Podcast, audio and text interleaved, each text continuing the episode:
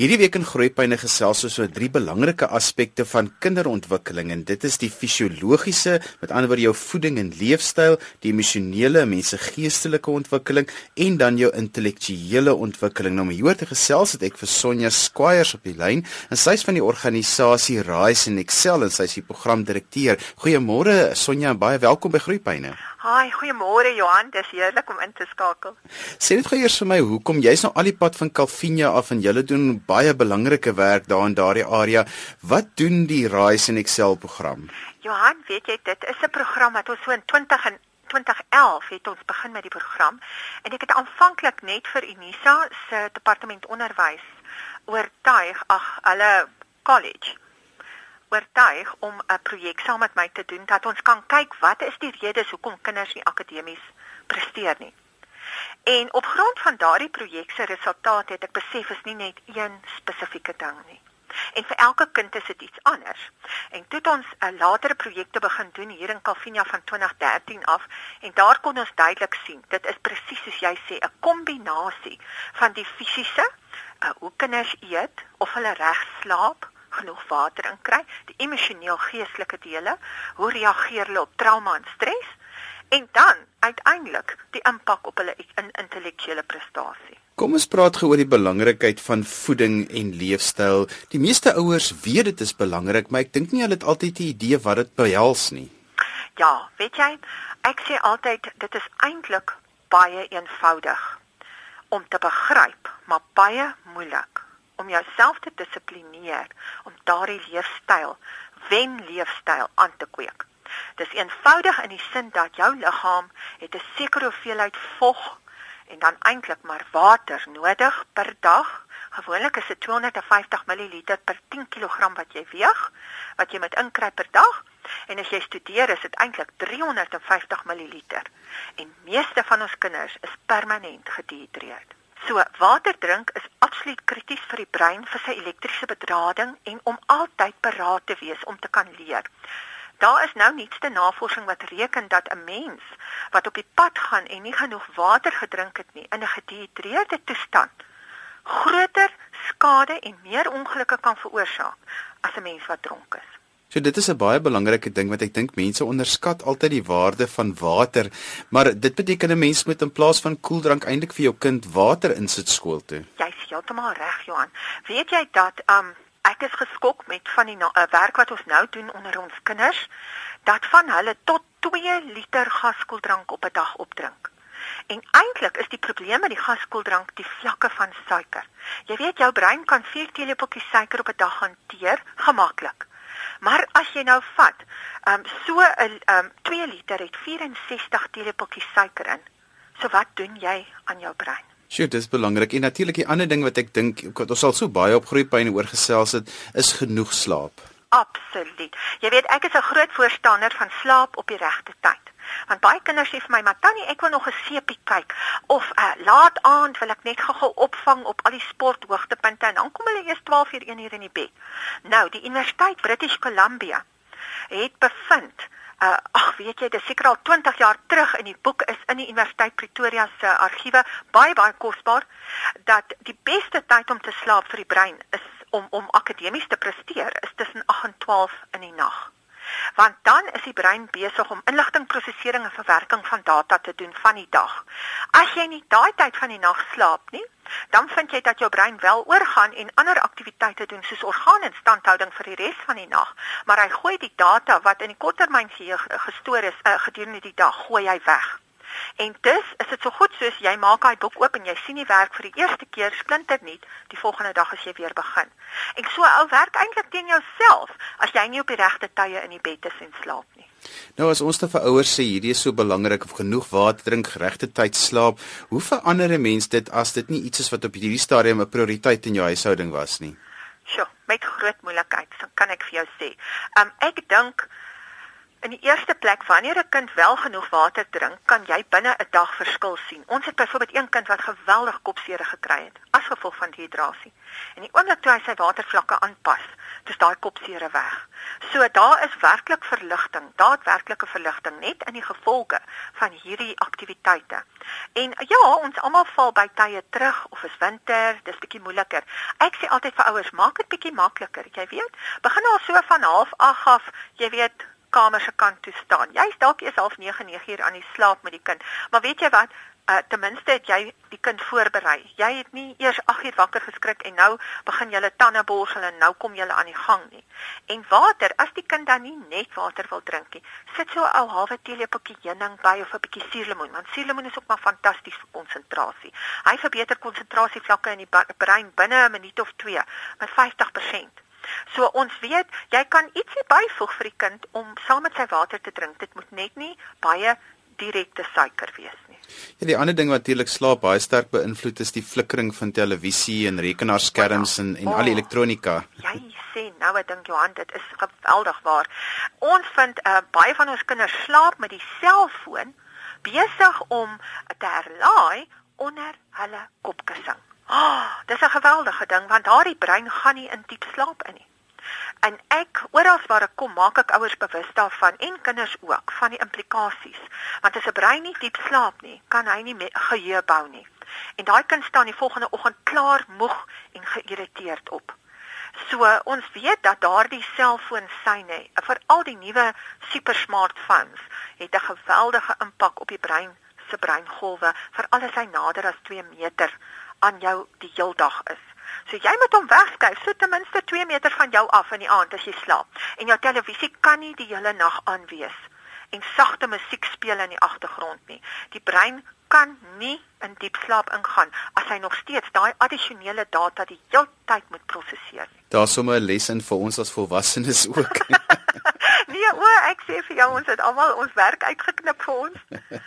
Kom ons praat 'n bietjie oor die emosionele dinge want dit is net so belangrik vir al die spanning en trauma want kinders word in daaglikse basis aan soveel spanning en trauma blootgestel dat dis nie altyd so iets wat mens net oplet nie. Dit is dit is maar net dit word so deel van jou dag dat jy later amper dit net dit gebeur maar net. Dit is so en jy weet vir, elke kind het 'n ander uh, kan ek amper sê situasie wat vir hom stres bring. Um byvoorbeeld hy het al swak gedoen in 'n sekere vak en nou gaan hy alweer toets skryf in daardie vak of daar word altyd op hom geskree by die huis en die impak wat dit het op sy vegvlug reaksies in die brein. So ons vind dat uh veral emosionele reaksies, jy weet, is baie gekondisioneer in die kind op 'n jong ouderdom al. En ehm um, as die kind skool toe kom, maar reageer hy op presies daardie selfde maniere. Een kind sal byvoorbeeld net nie luister nie. Jy kan met hom praat soveel soos jy wil, hy skakel net af as hy 'n sekere stemtoon hoor. 'n Ander kind weer uh, uh wil nie deelneem in die groep nie want hy is bang vir spot of hy skaam. En ehm um, daar is baie redes hoekom 'n kind emosioneel ooreageer. Dis nie noodwendig altyd trauma nie, maar hoe dit ook al sy, die emosie is gewoonlik vir ons 'n boodskapper dat daar ietsie is wat aandag nodig het. Nou is dat die kind net moet aanvaar word, uh of dit is dat hy moet bemoedig word, dat hy onseker voel, dat hy nog nie vaardighede het in 'n sekere veld nie of hy moet aangemoedig word, wat ook al dit is, emosie is 'n baie belangrike boodskapper. Verduidelik gou vinnig weer vir ons van veg, vlug of vries reaksies wat kinders op trauma het. Ja, veg, vlug en vries Jy het jou buitenste laag van die brein, die neokorteks, dan jy die dieper dele, die limbiese brein waar emosie lê en dan is hy direk gekoppel met wat ons noem die stambrein vir oorlewing, asemhaling, hartklop, al die dinge, maar dis ook waar jou veg of vlug en vries uh reaksies setel. En dis omtrent 10% van die brein. Nou die brein hanteer al sy al jou normale aktiwiteite in die liggaam vanuit die stambrein, maar as jy in spanning ingaan en onder erge druk verkeer, dan ont um uh, stuur hy kortisol in. Die kortisol skakel sekere buitenste, hoe kan ek sê, die meer gevorderde, gesofistikeerde redeneringsdele van die brein af en hy regresseer, hy trek terug in emosie in en dan trek hy terug in die stambrein in. En die stambrein is wat ons noem die slangbrein. Daar kan jy net moeilikheid kry want dit gaan oor selfoorlewing. In die oomblik as 'n kind in selfoorlewing inskop, dan is daar nie plek vir enige ander mens nie. Um en dan raak dit eintlik baie gevaarlik. Ons sien dit veral by ons jong mense of ons sien dit by rowers. As hulle vanuit 'n stambrein reaksie reageer en hulle val jou aan en jy probeer vanuit jou neokorteks uit jou uh, intellektuele brein met hulle redeneer, sal hulle jou sonder om 'n oog te knip skiet. Hoekom doen hulle dit? Want hulle neokorteks is nie aangeskakel op daardie oomblik om te redeneer, te kommunikeer of logies analities te prosesseer nie. Hulle is in oorlewingsstaat. Dis jy of hulle. Sonja, maak dit gou vir ons bietjie prakties met kinders. Hoor ken ek die veg, vlug of vries reaksie by kinders? Watter situasies sal dit intree? Tipies as 'n kind byvoorbeeld sê nou maar hy kom by die skool en skielik wil hy nie uit die kar uitklim nie. Dan het hy klaar daar op die veld gekyk, hy het iemand gesien wat hom laas sleg hanteer het en hy's nou te bang. Of hy het nie sy huiswerk gedoen nie. En, en nou kom hy by die skool en die juffrou het nog nie eers gevra vir die huiswerk en nou bars sy in trane uit want sy brein antisipeer klaar negatiewe reaksies. So veggevlug het baie te doen met ek wil onttrek, ek wil nie deelneem nie of ek raak oor emosioneel of ek raak gewelddadig. Ek kan 'n boelie raak. En jy weet baie van ons boelies is eintlik in hulle stambrein vasgevang. Nou Sonja, hoe hanteer 'n mens dit dan as ouer as jy nou weet dit is wat hier aan die gebeur is, dit is 'n vegvlug of vriesreaksie wat ons hier kry? Die eerste ding is om jou kind rustig te kry. Die kind moet veilig voel. Met ander woorde, dit help nie ons begin op hulle skree of hulle kritiseer of hulle probeer hulle instoot in 'n gevaarlike situasie nie, want daai brein het klaar die situasie vir daai kind opgesom as potensieel onveilig. En die brein is van nature 'n inhiberingsorgaan. Hy probeer die mens beskerm. So baie belangrik is jy moenie met die kind redeneer nie want hy gaan jou tentjie in nie hoor nie. Jy moet eintlik in daardie oomblik moet jy kan besef hier is iets aan die gang en jy moet kan terugstaan en net die druk van die kind afhaal. Nou dit beteken letterlik jy hou oppraat, jy sê goed, ek verstaan wat laat jou so voel of hoekom sê jy dit of waarom wil jy nie dit doen nie? So jy gee die kind 'n kans net om sy standpunt te stel. Want kinders voel baie keer hulle word net in 'n blik gedruk. En jy weet, nou moet ek net ek moet nou maar net.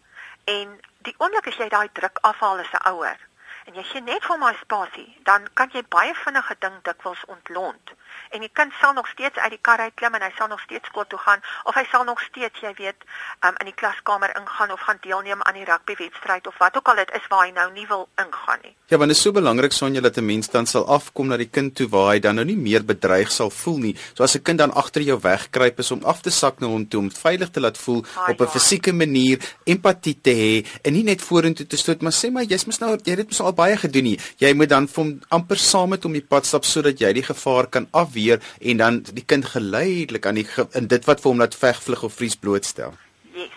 Absoluut Johan, want jy weet daardie kind sal net in daai oomblik voel iemand staan saam met hom. Hy wil nie op daai oomblik as hy in daai veggevlug is, wil hy nie presteer nie. Hy dink nie eens aan doelwitte nie. Dit gaan nie eens vir hom oor sy goeie naam nie. Dit gaan oor niks van die goed wat altyd vir volwassenes belangrik is nie. Dit gaan net daaroor vir hom dat hy voel ontbloot, gestroop van alle mag en hy voel hy kan skade kry. Dit is 'n totale onderbewuslike proses. Ja, dis wanneer jy vir jou kind sê ek gee die eerste tree, loop jy in my voetspore en dan so stap ons dit saam en dit is so belangrik dat kinders nie in hierdie veg, vlug of vries um, reaksie moet ingaan nie. Absoluut, John. Jy luister na Groepyne saam met my Johan van Lille. Ons gesels vandag oor die fisiologiese, emosionele en intellektuele behoeftes van kinders. My gas is Sonja Squires van die organisasie Rise and Excel. Nou Sonja, ons het nou gepraat oor die fisiologiese goed, ons lekker gepraat oor water drink, ons het gepraat oor ehm um, kinders moet genoeg slaap en op die regte tyd slaap en jy het nou al so 'n bietjie gepraat oor spanning en trauma. Kom ons praat nou 'n bietjie oor die intellektuele behoeftes en daar speel sensoriese dominansie nog 'n belangrike rol. Verduidelik ons wat dit beteken. O ja, Johan, ek is bly jy vra my. Kyk, die brein het 3 tale wat hy praat. En ons almal praat daardie drie tale maar elkeen van ons praat een van hulle bietjie meer as die ander. Jou brein praat die taal van visuele impak. Met ander woorde hy kyk prentjies of woorde en dit maak vir hom sin. 'n ander brein 'n faset van taal is hoor. Ek luister dis woorde klanke musiek intonasie en dit gee vir my betekenis. En dan die derde taal wat ons praat is fisies beweeg en aanraak. En elke kind het al drie hierdie tale. Maar wat so interessant is, is daar is dominansies. Met ander woorde daar is voorkeure geneties in elke kind. En uh van geboorte af, party kinders sal meer luister, ander sal meer kyk en ander sal wil vat. Maar uiteindelik wil hulle alles doen, maar daar is 'n volgorde. Daar is 'n voorkeur. Een wil meer kyk as wat hy hoor of meer vat as wat hy sien of net luister. En daardie voorkeur bepaal uiteindelik wat die maklikste manier is waarop 'n kind gaan kommunikeer of begrip hou en geheue en insig al daardie wonderlike dinge en ook hoe jy hom gaan bereik as jy suksesvol met hom wil kommunikeer. En ons as ouers moet sensitief en selfs skoolstelsel moet ingestel wees. Hulle praat van multisensoriese klasaanbiedings. Dit beteken net jy moet 'n uh, ruimte maak dat 'n kind kan hoor en kan sien en kan doen of prakties toepas. Uh, maar aan die einde van die dag het elke kind 'n vertrekpunt. Nou sien nou maar die onderwyser byvoorbeeld, ehm um, as hy uh, hy praat baie en so auditiewe of kindertjies wat luister, hou van sy klasse. Maar die visuele kinders is baie gefrustreerd want hulle kry niks om na te kyk nie. En eers aan die einde van die klas dan sê die meneer, "Gaan lees julle op bladsy 20."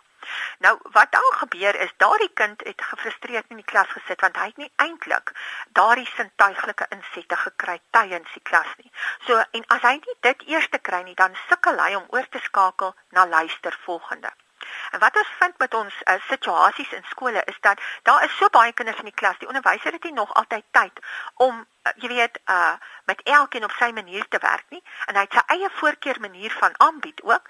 So kinders wat in lyn is met sy voorkeur manier vorder baie vinniger en makliker as kinders wat anders as sy unieke manier is. En net om sensitief te wees en om 'n kind te help om te sê ek sien jy luister fyn. Nou maar toe, dan moet jy mooi luister in die klas en as meneer nie genoeg gesê het, jy vra net weer na die tyd vir hom. Of dan moet jy weet, jy moenie sommer jou stem verhef met hierdie kind nie.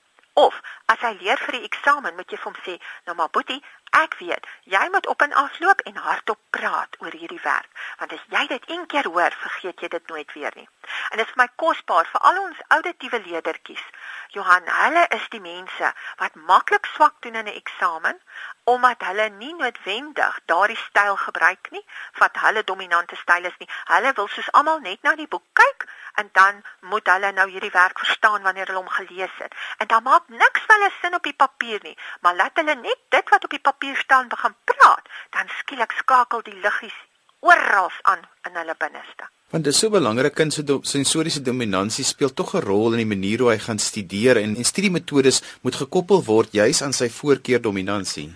Absoluut Johan en ek sê altyd daar's sulke eenvoudige vraelysies 15 20 30 vragies wat 'n mens se kind kan vra. Hy antwoord dit sommer so vinnig vinnig en onmiddellik begin jy die patroon van sy sensoriese dominansie sien. En dit verklaar net so baie van hoe jy daai kind moet bereik. Ek sê altyd, uh, een van ons vriende, huisvriende, hy is 'n besturende direkteur van 'n bemarkingsmaatskappy, maar hy is 100% auditief. Jy kan dit nie glo nie, maar vir hom om iets te beleef of ervaar, help hom nie leer nie. En om na iets te kyk bring ook nie addisionele insig nie. Hy sal so in sy raadskamer sit, dan kom die verkoopsmense in, dan praat hulle met hom, dan maak hy hulle oë sy oë toe. Hulle sit nog 'n PowerPoint daar op die muur en hulle wys hom alles. Hy maak net sy oë toe en hy luister na hulle. En as hy sy oë oopmaak, dan maak hy 'n besluit. En dan is almal so gefrustreerd want hulle wil hom nou beïnvloed het met wat hulle vir hom kan wys of wat hulle wat hy saam met hulle kan doen maar hy stel nie belang daarin nie. Hy maak sy besluite op grond van sy ore. Jy het net so 'n belangrike ding gesê veral vir kinders wat fisies moet beweeg, daai kinestetiese kinders, vir hulle is om te gaan sit en hulle huiswerk te doen en die hele middag stil te sit. Dit is die grootste nagmerrie wat jy vir hulle kan aandoen. O, oh, absoluut. En jy weet, daardie kind moet dit tog nooit oorkom nie. Ek sê altyd vir ouers, jy weet, dubbel die uh, tyd wat 'n uh, of dubbel die aantal uh, jare wat 'n kind oud is, kan hy in minute konsentreer. So as hy 10 jaar oud is, kan hy 20 minute sit. En dan met 'n kinestetiese kind kan jy maar 5 minute aftrek want hy gaan nie langer as 15 minute kan stil sit nie. En jy moet maar vir hom 'n stresballetjie gee of hy moet op 'n bal sit en hop of hy moet eenvoudig op en af rondloop in die kamer terwyl hy sy huiswerk doen. Hy skryf vir 5 minute, staan op vir 2, sit weer vir 5. En weet jy wat? Dit is frustrerend vir 'n ouer wat wil stil sit saam met 'n kind of in 'n koshuisstelsel waar almal op 'n sekere tyd net met rustig agter hulle tafeltjies sit en werk. Maar selfs ons koshuise begin meer bewus raak van hierdie unieke voorkeure van kinders. En met hierdie geweldige hoeveelhede data wat kinders nou moet kan prosesseer vir 'n eksamen. Uh besef almal, ons moet na nuwe maniere kyk om kinders by te staan. Ons moet meer in lyn kom met hulle innerlike bedrading en hoe hulle saamgestel is deur ons Hemelse Vader.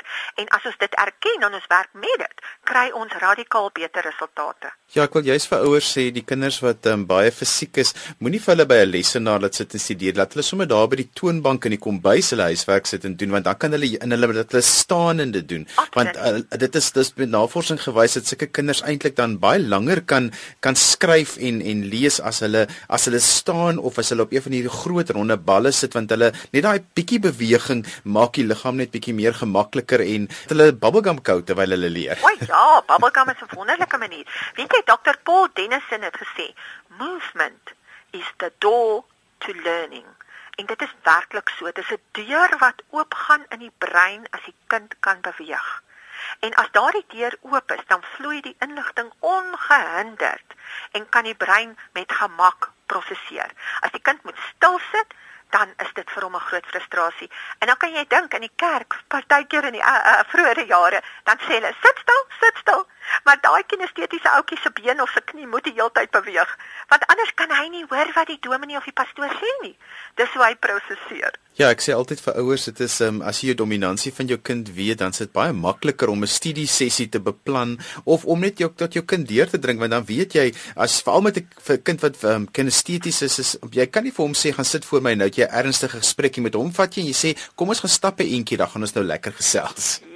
Absoluut, ek stem saam Johan. Sonja so om op te som ons tyd is verby. Wat sê ons vandag vir ouers oor fisiologiese, emosionele en intellektuele ontwikkeling? Ek dink as ouers 'n geheel beeld of benadering tot hulle kinders se akademiese prestasie vat en hulle sê weet jy wat hierdie drie areas is absoluut verweef die een impak die ander laat ons dan nie net uit een hoek uitkyk wanneer ons 'n kind wil bystaan om sy beste te lewer nie. Laat ons al drie hierdie fasette in ag neem want aan die einde van die dag um, ons noem dit transdissiplinêre benaderings is aan die orde van die dag in die mediese wêreld en ek glo in die onderwysstelsel gaan dit binnekort ook so wees want ons kry die beste resultate en vir 'n ouer om die beste resultate by sy kind te kry moet jy na al hierdie areas gelyk kyk. Nou Sonja, jy's daar in die Calvinia area daar in die Handamwyk so ja. hoe kan ouers met jou kontak maak? Sommer per e-pos Johan. Dit is Sonja uh, klein lettertjies met 'n J S O N J A. Squires S Q U I R E S ek doen hom altyd in Engels @neuralink n e i r o l i n k.co.za Dis dan alwaar vir ons tyd het vandag. Onthou jy kan weer na die program luister as 'n potgooi. Laai dit af by rsg.co.za. As jy met my gas wil kontak maak, jy kan ook vir my 'n e e-pos stuur. Stuur my net 'n e-pos na groeipyne by rsg.co.za en dan sal ek vir jou die kontakbesonderhede aanstuur. daarmee groet ek dan vir vandag. Tot volgende week van my Johan van Lille. Totsiens.